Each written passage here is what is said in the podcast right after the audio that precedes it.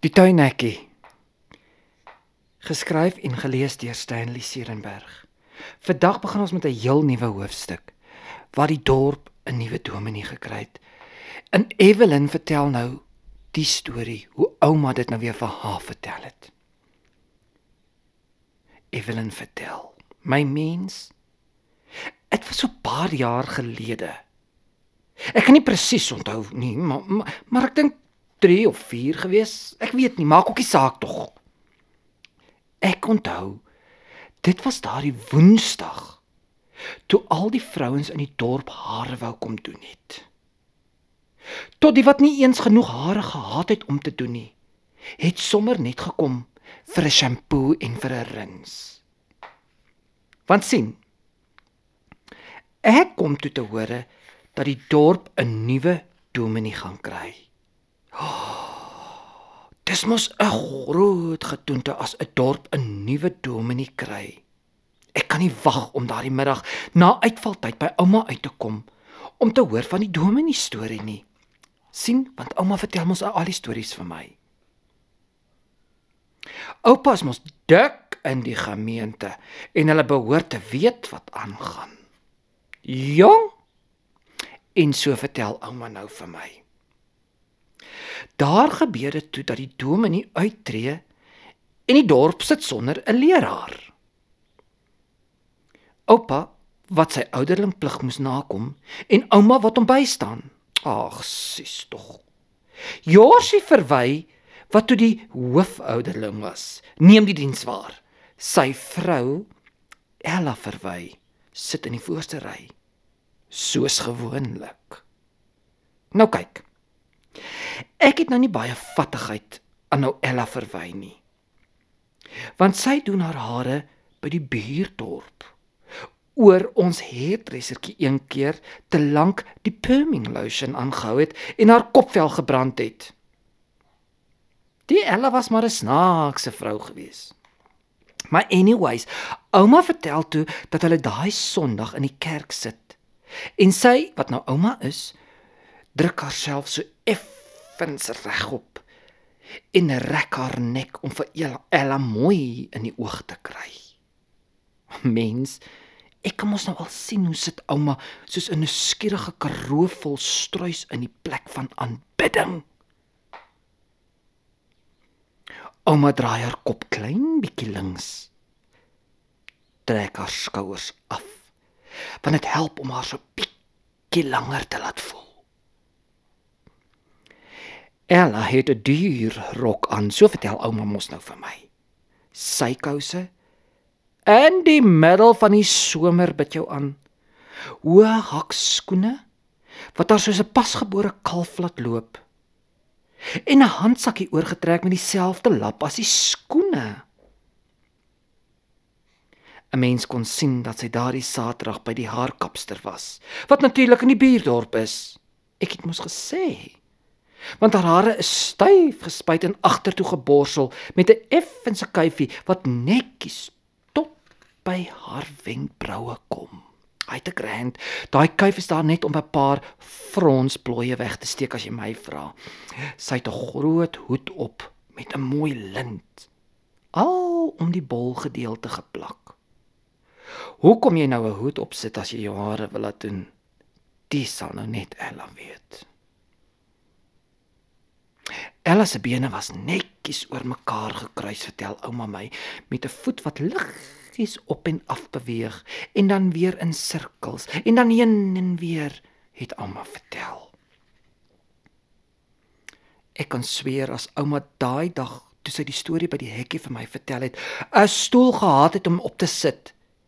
Sy plotselings sou gaan sit en aan die beduie gaan. Dis mos haar maniere daai. Ouma kan haar so inleef in 'n storie. Vertel vir alles hy dit vir my vertel. Kan die vrou nie stil sit nie? Het ouma my vertel en ek kon sien dat sy haarself sommer van voor af erg. Maar ek los haar. Laat sy vertel. Wyk Satan, het ouma geprewel met lippe wat beweeg maar geen klank. Kyk sy toe maar liewer preekstoel se kant toe. Jy sien? En dis toe Josie verwy die aankondiging maak dat die dorp 'n nuwe dominee gaan kry, dat daar 'n roering in die gemeente is. Sommige van die vrouens ooh en ah hoorbaar. Ella kruis haar bene ander kant toe oor. En aftraande glimlag hy kom sit op haar gesig. Wie nou dat ouma van Ella se aftraande glimlag praat, moet ek sê dat dit die waarheid is. Daai vrou het baie aftraande gesmile. 'n Suster Ella verwy bied aan om die verrigtinge te help beplan in samewerking met die kerkraad om 'n verwelkingskomitee bymekaar te sit sodat ons die nuwe dominee kan verwelkom in ons dorp en gemeente. Maak Jorsie na die aankondiging en hy en Ella kyk vir mekaar en glimlag nogal in die plek van aanbidding. Ek sê vir jou in die plek van aanbidding. Mens toe ouma Ella se aftraande glimlag namaak, het ek my klaar gelag. Suster Ella het voorgestel dat elke suster in die gemeente iets moet maak om te eet of drink of beide. Ons kan die komende Vrydag almal net buite die dorp bymekaar kom en in een stoet ry. Net so 4 km buite die dorp waar daar die lang bult is met die ry populierbome aan die linkerkant. Daar sal ons dan nou vir Dominee inwag. Uh, dit sal 'n goeie idee ook wees as al die susters die week 'n vergadering hou en dan die verrigtinge bespreek. Kondag Josie nou verder aan. Dis dan volgens ouma. Wie jy? Die Josie kon daar maar aan sitterig praat. Vir alles het nou by kerksake kom. Maar anyway, ouma vertel toe verder. Ouma wat kruisbene gesit het, laat sak haar regterbeen en met al twee hakke trap sy in die kerkgebou se vloer vas. Seker ergerlikheid. Met haar linkerkant vat sy die bank se handvatsel vas en trek haar effens vorentoe sodat sy haar regterbout mooi kan lig en bietjie vorentoe kan neersit. Haar lippe saamgepers soos 'n jaffel. Wie hy as sy nie in die kerk was nie, het sy so waar haar hande in haar sye gedruk. Sy kruis haar regterbeen weer oor die linkerbeen en sit. Ha! Toe ouma hierdie storie vir my vertel, het sy die hekkie se kante vasgegryp asof dit die kerkbank homself is, maar ek lag my klaar net om te demonstreer en te beduie. Ha, ek het my klaar gelag. Anyway, ek dwaal nou weer af. Oupa kyk om en sien die ongeduld en irritasie in ouma. Nou kyk, ek glo nie hierdie deel so mooi nie. Want ek weet oupa is nie die soort wat in die kerk in die plek van aanbidding sal omkyk nie. Maar ek vat ouma se woord. Ek vat dit. Uh, die nuwe dominee sal van Paul Roo afkom het Jorsie nou verder gesê. Jorsie se woorde is nog skaars koud met die laaste gedeelte van die Heidelbergse Katekismes. Daar waar dit nou van die wederopstanding en ewige oordeel staan. Amen. Toe ouma opstaan en uitstap.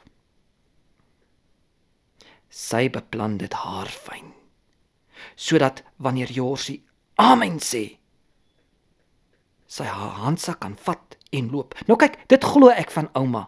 Ouma sal wag tot amen voordat sy loop. Sy het daarom nog 'n bietjie respekte in haar, maar nou vertel sy vir my verder. Dis nie in my aard om by 'n kerkdiens uit te loop nie. Ek weet van beter. Het ouma toe nou net so reguit vir my gesê in my gesig. Ouma gaan sit in die 1400 en wag vir oupa. Totdat die diens verby is.